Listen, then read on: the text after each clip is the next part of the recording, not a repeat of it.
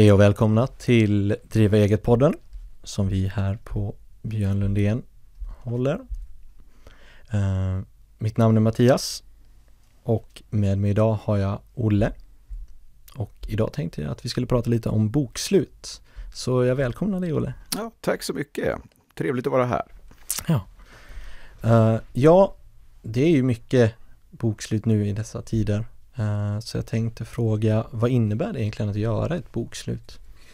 Ja, ett bokslut är ju liksom det sista man gör på sitt räkenskapsår. Alltså när man, när man stämmer av och kontrollerar bokföringen och förbereder den för vad som kommer efter. För eh, ofta så, ja nästan alltid så innebär det att man ska göra en deklaration bland annat. Eller också så mm.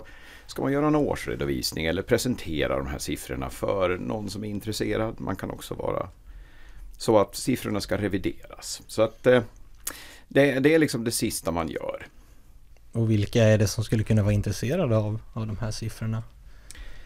Ja, eh, först och främst naturligtvis den som driver företaget, om det är ett aktiebolag, ägaren eller den enskilde näringsidkaren, alltså den som har en enskild firma. Se hur det går. Säljer jag som det ska? Har jag någon vinst? Finns det någonting, pengar som jag kan plocka ut i utdelning eller något liknande? Sen eh, kan man ju ha andra ägare om man har ett aktiebolag, att det finns fler som äger aktierna och de vill ju mm. veta hur företaget har förvaltat de pengar som jag satt in i det. Eh, sen kan det också vara så att eh, banken kan vara intresserad i och med att eh, det är, eh, de har lånat ut pengar till dig eller är intresserade av något annat skäl. Kan också vara så att man står under någon slags myndighetskontroll som också kan vara intresserade. Alltså eh, man säljer, säljer vapen eller, eller alkohol eller tillverkar medicin eller någonting sånt där. Eh, och vissa då Eh, till exempel aktiebolag och ekonomiska föreningar som jag tror vi kommer att prata lite mer om senare. De ska ju också skicka in den här eh, årsredovisningen då som är det som man gör utav bokslutet då till Bolagsverket där den blir offentlig. Så vem som helst kan gå in och ta fram den här och titta på den. Mm. Du nämner här eh, företag som till exempel säljer vapen eller medicin. Vad, vad är, ju, eh, är speciellt för den typen av, av bolag? Ja, det, finns ju alltså, då finns det lagar som reglerar tillverkning och försäljning utav, utav sådana saker. Eh, ja, vapen är väl, det är väl inte jättemånga som gör det. Men jag menar eh, till exempel Bofors, deras årsredovisning. Alltså de behöver lämna information till vad de har sålt och till vem. Eh, om man tittar, det som är vanligast är väl om man tittar på mikro, mikrobryggerier och, och de som gör alkohol.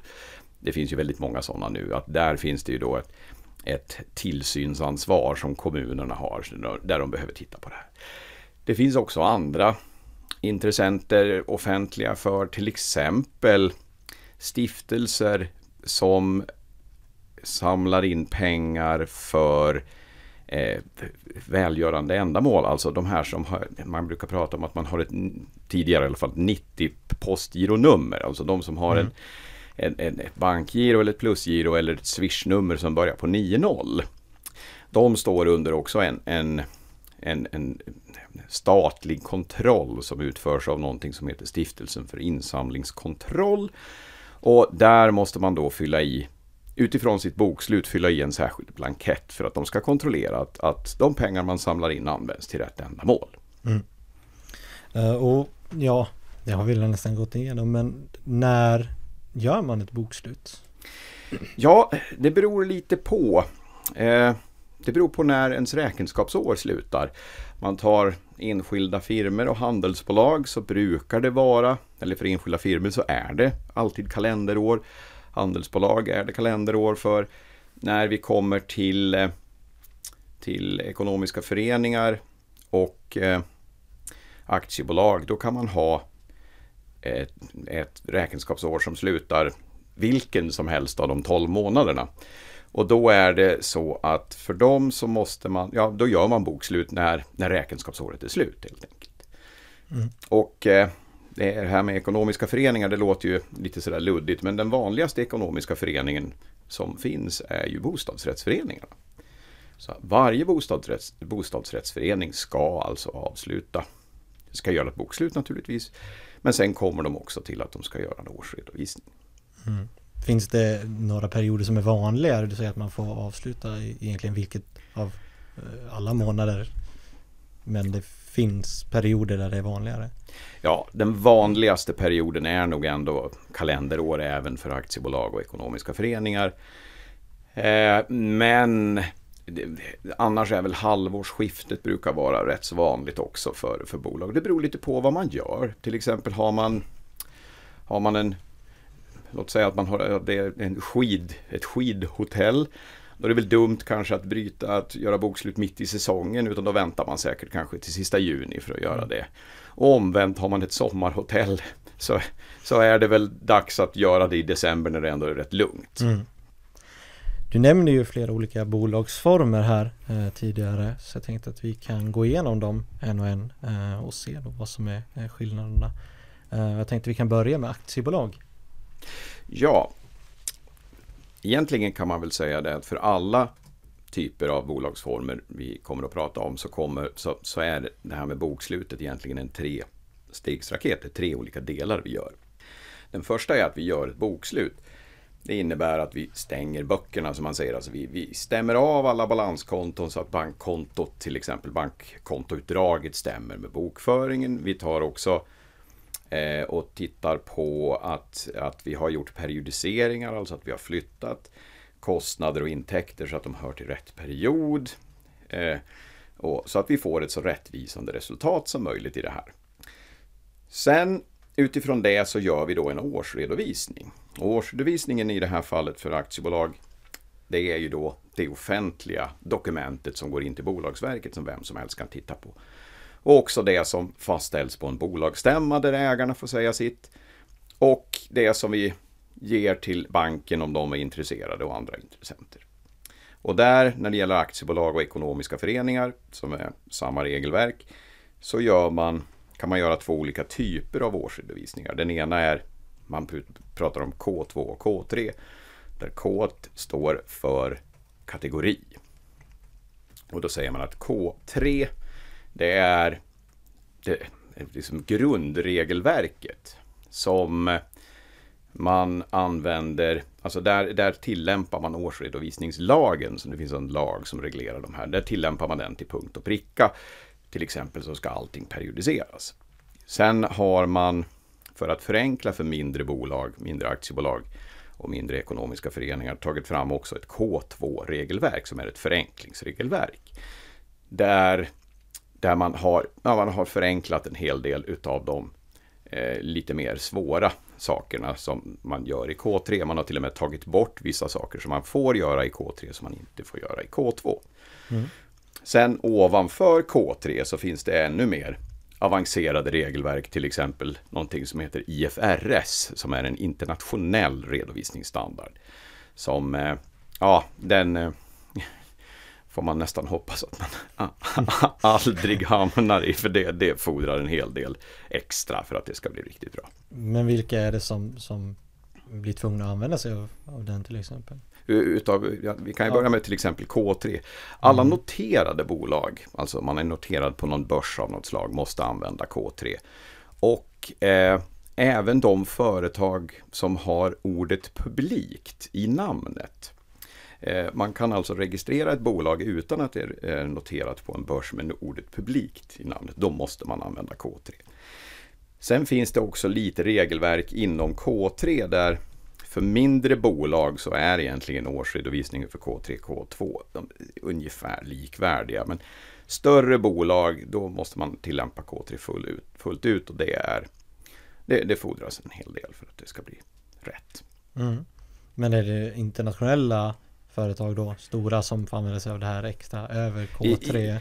det här IFRS, ja mm. det är många, det är internationella koncerner för det är en internationell standard för det här. Där, man, där till exempel värderingen av tillgångar är, är väldigt eh, utvecklad, låt oss kalla det för det, det istället för krånglig. Men utvecklad, alltså det, det fordras en hel del för att kunna värdera saker. Det handlar väldigt mycket om värdering i det. Mm. Mm. Eh, Men är K2, är det den vanligaste eller K3? K2 är den absolut vanligaste eh, Mm. som man åtminstone börjar i. Eh, man kan väl säga det att om man tittar på lagkraven så finns det en till exempel bostadsrättsförening i Sverige som är tvungen att använda K3. Och det är bostadsrättsföreningen Masthugget i Göteborg. Alla andra bostadsrättsföreningar får använda K2. Vad, vad är det som får dem att sticka ut? Så att de... De är så oerhört stora. Det är helt. Det är storleken på omsättning och, och eh, deras balansräkning, alltså hur mycket tillgångar de har. Mm. Och det är det som styr alla de här alltså, stegen om vi säger så. Ja. ska... Ja, precis. Det är det. Det beror på hur, hur stort ditt företag är. Om du måste använda K3 eller om du kan använda K2. Man kan också, även om man inte uppfyller reglerna, så är det helt tillåtet att gå till K3. Det finns vissa fördelar i K3. Till exempel så kan man eh, boka upp i balansräkningen om man egenutvecklar till exempel en programvara eller någonting sånt där. Det, det får man, alltså immateriella tillgångar pratar man om. Det Mm. får man nämligen inte i K2. För att K2 är ett förenklingssystem och att räkna på de här delarna kan vara eh, det, det, det är inte helt enkelt utan det är någonting som fordras att man man gör på rätt sätt för att det ska vara tillåtet. Mm, mm. Ja, om vi då går vidare och tittar på... Ja, ja Ja, förlåt mig. Jag- jag- jag- Eh, Det tredje steget i den här, när man, när man gör bokslut, när man, när man gör bokslutet, det är ju att man gör bokslut. Det var det första steget, sen gör man en Mm. årsredovisning. Det tredje steget som alltid finns med också, det är att man ska göra en deklaration. Man ska då Ja. deklarera och skatta på sitt resultat. Och i, eh, i, i aktiebolag då så använder man inkomstdeklaration 2 och även för ekonomiska föreningar. Och eh, ja, den är ju då en, det ser ju ungefär likadant ut som det bokslutet man, man gjorde. Det, man ska ta hänsyn till vissa saker som då icke avdragsgilla kostnader och sånt. När man räknar fram sin skatt. Så att det beskattningsbara resultatet avviker från det bokförda resultatet helt enkelt. Och vilka är intresserade av, av det här? Ja, det, Skatteverket är de som är Det är intresserade av det här i stort de. sett. Ja, Det, ja, det är väl de som åtminstone är huvudaktören på det hela. Mm. Sen är ju naturligtvis det är intressant för företagaren eller för styrelsen då i ett aktiebolag att veta hur mycket ska bolaget skatta. Mm. Och det är det som, som den visar, det är skatten helt enkelt. Det är det Ja. du får ut. Det är det man får ut ur den. Ja, eh, men om vi pratar om då till exempel handelsbolag Mm. eh, och samma kring det så att säga. För egentligen, de här tre stegen finns fortfarande kvar även i handelsbolaget. Man börjar med att man gör ett bokslut där man stämmer av och ser till att siffrorna är, är riktiga, eller så riktiga som man kan. Man gör sina värderingar av, av lager och tillgångar och annat, precis som i aktiebolaget. Sen så ska man också där göra antingen ett årsbokslut eller en årsredovisning. Det beror också på hur stor man är och lite grann på vem ägaren är till bolaget. Eh, och eh, årsbokslutet är ingenting som skickas in till Bolagsverket, vilket då istället årsredovisningen gör. Men eh, årsbokslutet är en, en ännu enklare form av, av dokument som, som man tar fram inom bolaget. Till exempel en årsredovisning innehåller förvaltningsberättelse och sen har du en resultaträkning och sen har du en balansräkning och sen så efter det så kommer i vissa fall en, en kassaflödesanalys och så efter det så kommer ett antal noter eller förklarande poster där man förklarar vissa saker som finns i balans och resultaträkning. När man tittar på ett årsbokslut då tar man bort förvaltningsberättelsen, alltså där de som har drivit företaget med egna ord förklarar vad som har hänt i företaget. Den tar man bort och istället så har man bara balans, eller resultaträkning, balansräkning och förklarande noter med. Så det är egentligen det som är den stora skillnaden mellan ett årsbokslut och en årsredovisning.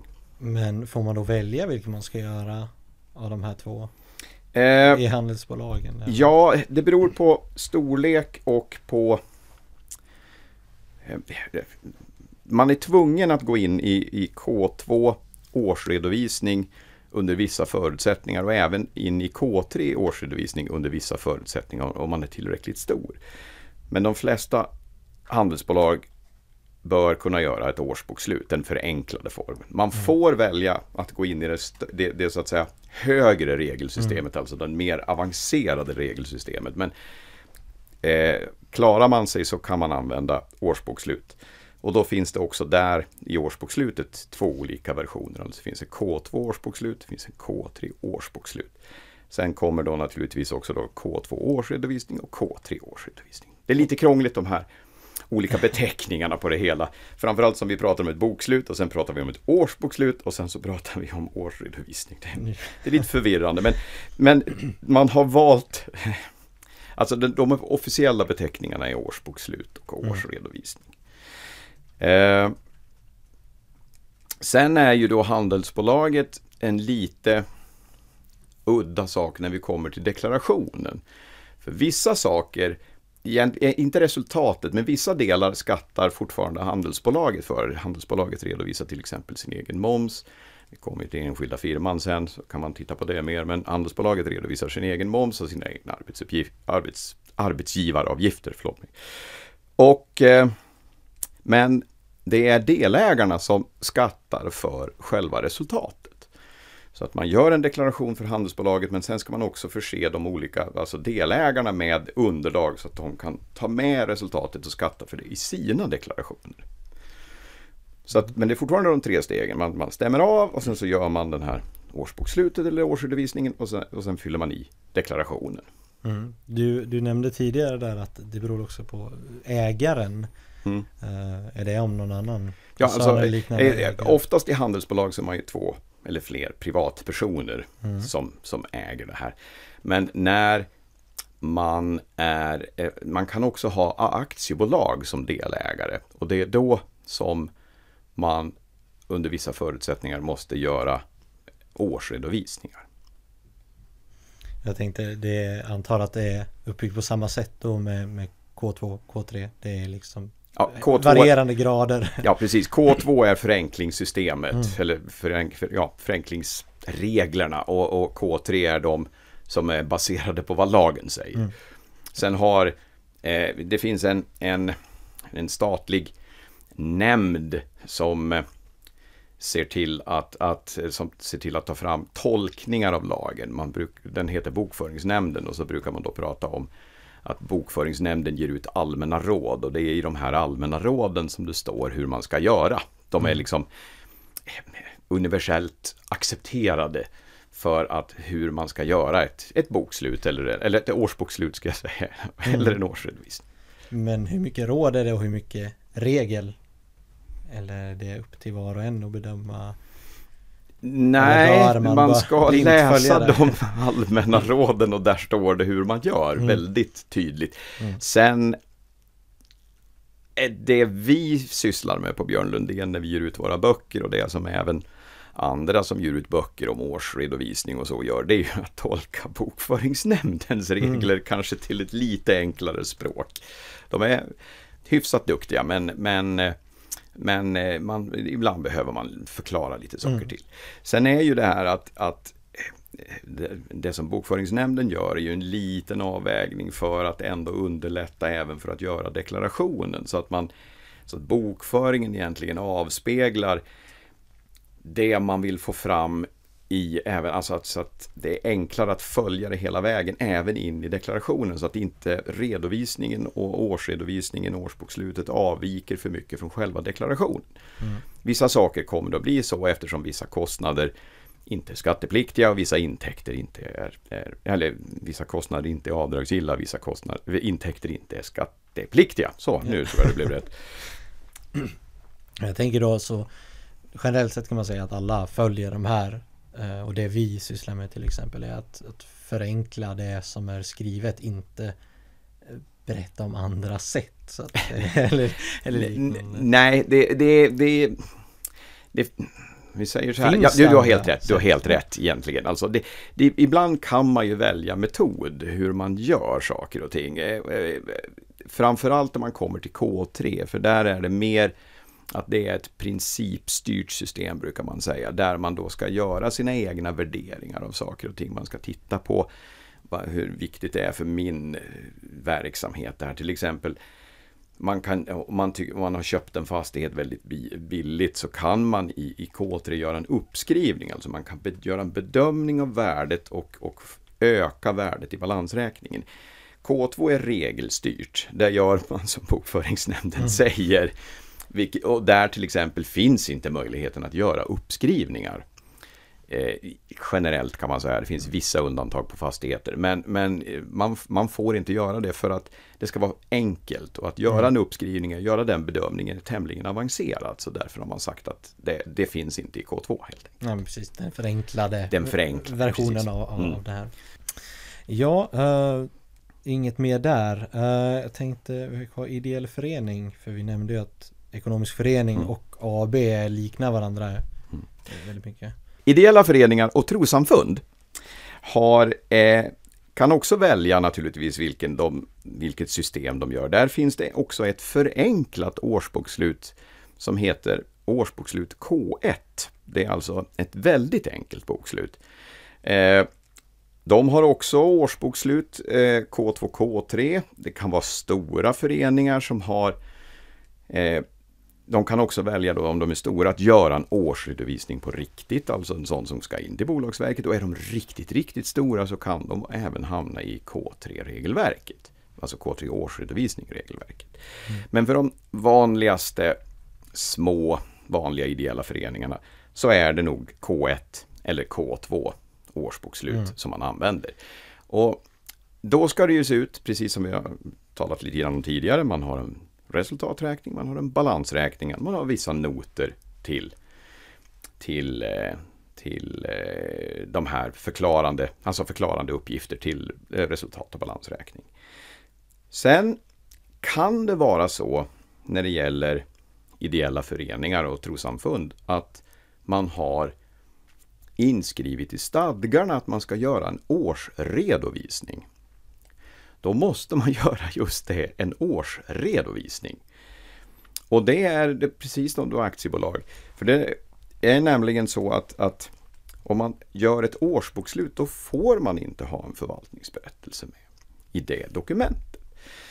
Det här är lite svårt ibland för att naturligtvis vill ju styrelsen i idrottsföreningen berätta om vad de har gjort, eh, hur, hur man har förvaltat, vad som har hänt för fotbollslaget i serierna eller eller den, eh, den bygdegård man förvaltar, att man har haft så här många uthyrningar och tjänat så här mycket pengar. Det får man alltså inte göra i det som kallas årsbokslut. Då får man lämna med ett eget papper med en, en verksamhetsberättelse eller någonting sånt. Men står det att man ska göra en årsredovisning, då måste man göra en årsredovisning. Mm. Och då är förvaltningsberättelsen också med. Och vad står det någonstans? Vad är det som avgör? Det här är då återigen Bokföringsnämnden som nu har kommit med allmänna råd även för ideella föreningar, trossamfund. Och eh, det här kan man gå in och titta på deras hemsida. Den heter BFNAR, nej BFN, förlåt mig, BFN.se heter den. Mm. Eh, och de här brukar benämnas då BFNAR, alltså Bokföringsnämndens allmänna råd.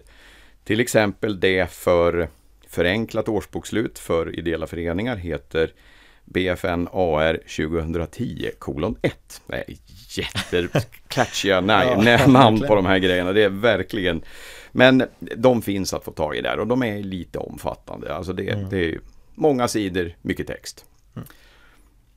Eh, jag undrar lite över den här förvaltningsberättelsen. Vad är det egentligen? Är det alla som, som företaget eller bolaget som ska skriva? Eller alltså en, en, en årsredovisning är ju en det är styrelsen som lägger fram allt det här. Det är styrelsens uppdrag att tala om för ägarna eller intressenterna eh, i föreningar och annat hur de har förvaltat bolaget eller föreningen.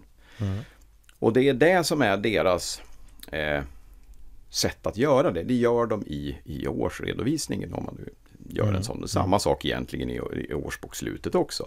Och där kan man ju titta då till exempel om man tittar på Volvos årsredovisning så är det ett jättefint dokument med massor med foton på olika styrelseledamöter mm. och, och, och, och eh, bolagsstämmefunktionärer och annat. Och, för, och så styrelsen skriver då en gemensam text som, som finns med där och även verkställande direktören brukar ha någonting väldigt trevligt att säga om hur bolaget utvecklas. Mm. Eh, det här är ju samma sak även för ett litet företag. Det ska finnas en förvaltningsberättelse som berättar om hur företaget har gått. Det här känns ju lite fånigt om ägaren och styrelsen är den samma person, vilket är ju väldigt, ja, 90% säkert mm, av alla svenska aktiebolag ser ut så, eller åtminstone 80. Men lagen är skriven sån, så då får man göra det helt enkelt. Så då... Men man vill göra det alltså? Alltså, ja, alltså, får, jag får, eller förlåt, man ska, man ska göra ja. så. Men det finns ju en möjlighet ändå i och med att det här blir en offentlig Alltså den registreras hos Bolagsverket så vem som helst kan gå in och köpa den här. Den finns ju också numera på alla bolag och hitta.se till och med att man kan ladda ner de här. Mm. Eh, numera mot en kostnad men i alla fall. Eh, så det är ju en möjlighet ändå att, att utan att förhäva sig göra någon form av reklam för sitt företag ändå. Mm. Eh, det finns ju alltså menar, framtida investerare och andra om man nu har tänkt sig det är ju intresserade. Det här är ju deras dokument att titta vad, Hur tänker du mm. som företagare eller ni som företagare? Vart vill ni? Vad är ni på väg? Vad har ni för idéer om mm. vad ni ska utveckla? Men vad har till exempel ja, men Bolagsverket eller, eller Skatteverket eller liknande för intresse av, av det? Eller finns det något, någon anledning till ja, bo, Bolagsverket är ju egentligen en registreringsmyndighet. De tittar inte på någonting egentligen i årsredovisningen förutom att, eh, att kolumnerna stämmer, balansen stämmer, att eh, underskrifterna är de korrekta, att det är den sittande styrelsen, alltså den styrelse som sitter vid inlämningstillfället mm. som har skrivit på den. Eh, Skatteverket är nog mer intresserade. De, bland annat är de intresserade om styrelsen har föreslagit en, eh, en utdelning Eh, det får, de uppgifterna får de från Bolagsverket. Och jag skulle ju tänka mig att inför till exempel en revision, alltså en, en revision från Skatteverket, att, att de tittar i årsredovisningen hur det ser ut. För Det är ju mm. också en offentlig, en enkel, ett enkelt sätt för dem att titta vad man skriver, vad man tycker om sitt eget bolag. Mm, mm. Uh, och vi har berört det kort nu men jag tänkte vi skulle fördjupa oss lite i det förenklade årsbokslutet. Mm. Eh, vad är egentligen ett förenklat årsbokslut? Ja, ett förenklat årsbokslut är ju egentligen en, en det är en resultaträkning, alltså intäkter, kostnader och sen har man en balansräkning som är tillgångar mot skulder och eget kapital. Och så vissa förklarande delar i det, alltså att mm. eh, man förklarar vissa av posterna. Eh, Oftast i samband med om man äger eh, tillgångar som man gör avskrivningar på så behöver man titta på hur har man räknat på det och vilka tillgångar har bolaget egentligen. Eh, framförallt man tittar till exempel på den enskilda firman så där är ju egentligen det förenklade årsbokslutet där, det är deklarationen helt enkelt. Det är mm. i stort sett den. Men det är i alla fall samma, det finns en särskild blankett för att göra det här förenklade årsbokslutet för, på.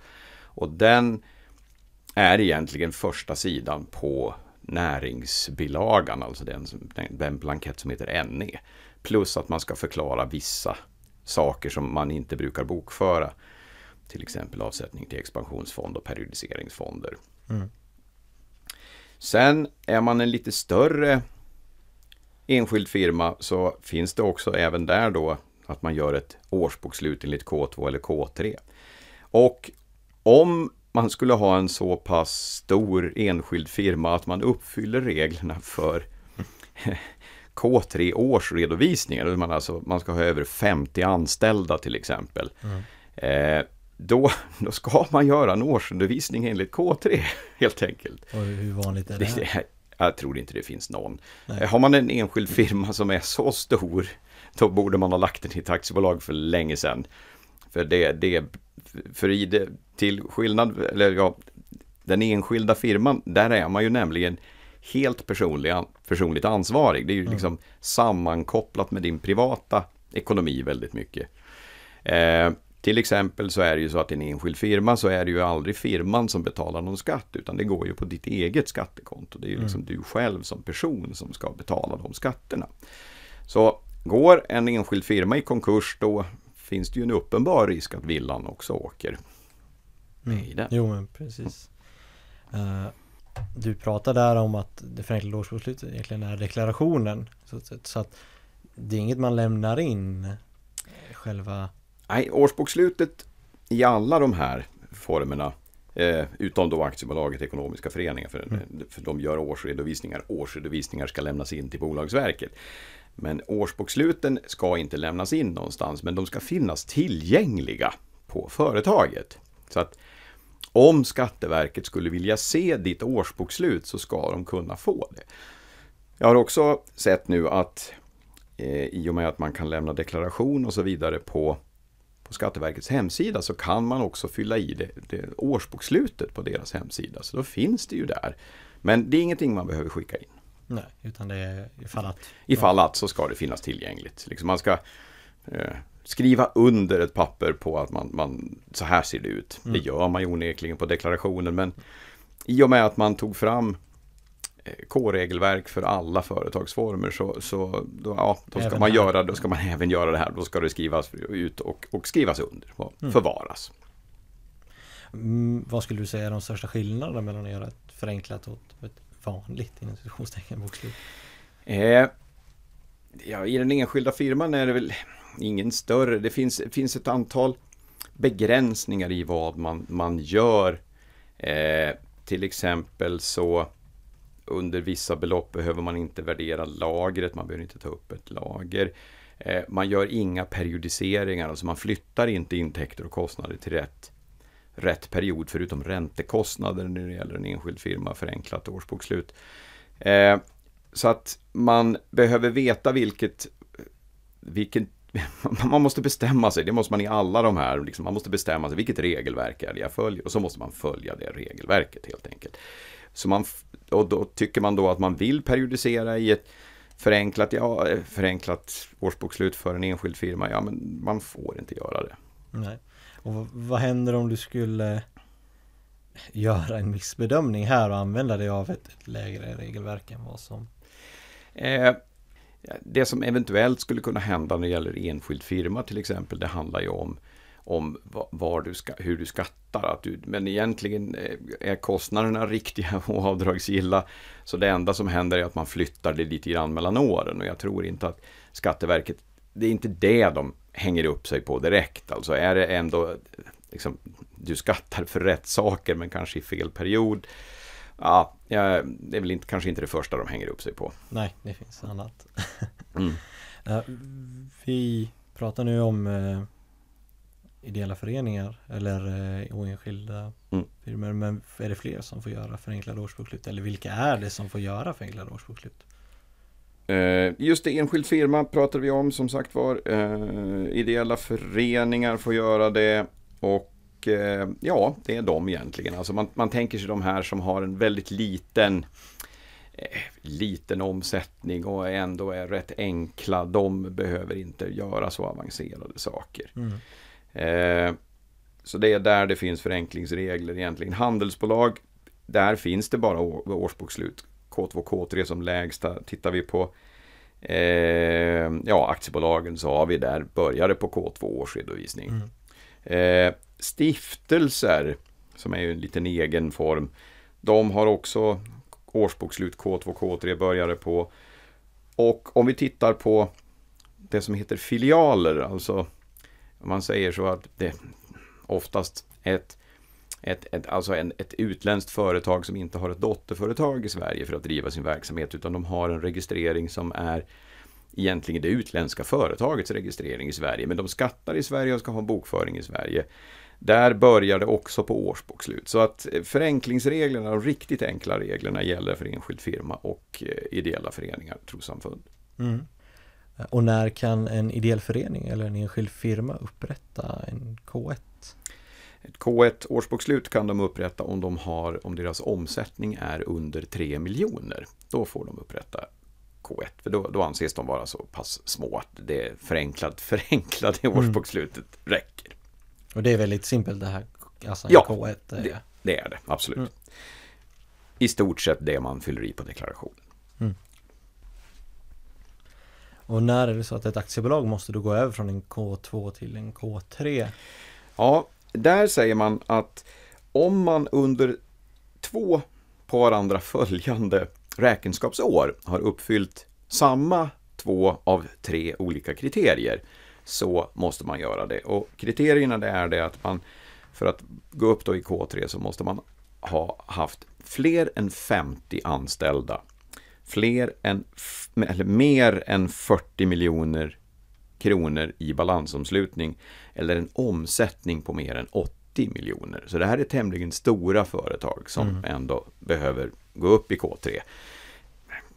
Och 80-90 procent av alla svenska aktiebolag klarar sig egentligen från Mm. det här. Och det är alltså samma två kriterier? Samma två kriterier Två under två år i rad. Till exempel, säg att du har haft 51 anställda under två år och 81 miljoner i omsättning. Då måste du gå upp på K3. Och när ska ett handelsbolag upprätta en årsredovisning? Ja, där tittar man lite grann på vem som är ägare. Eh, är det enbart fysiska personer som äger handelsbolaget så är det samma kriterier som för eh, att ett aktiebolag måste gå upp i K3, alltså två på varandra följande räkenskapsår med två av kriterierna uppfyllda. Och det är samma kriterier, mer än 50 anställda, mer än 40 miljoner i balansomslutning eller mer än 80 miljoner i omsättning. Om en av delägarna eller flera är ett aktiebolag, då måste handelsbolaget upprätta en årsredovisning. Oavsett dem? Oavsett hur stort eller litet handelsbolaget är. Ja. Ja, och det var egentligen alla frågor jag hade kring det här med bokslut. Eh, Så jag skulle vilja tacka dig Olle för att Tack. du har hjälpt oss. Eh, Och jag hoppas att eh, vi har lärt oss någonting. Det har i alla fall jag gjort. Mm. Ja. Tack så mycket för att jag fick vara med. Ja, absolut. Ja. Så får jag önska alla lyssnare en fortsatt trevlig dag. Och på återseende.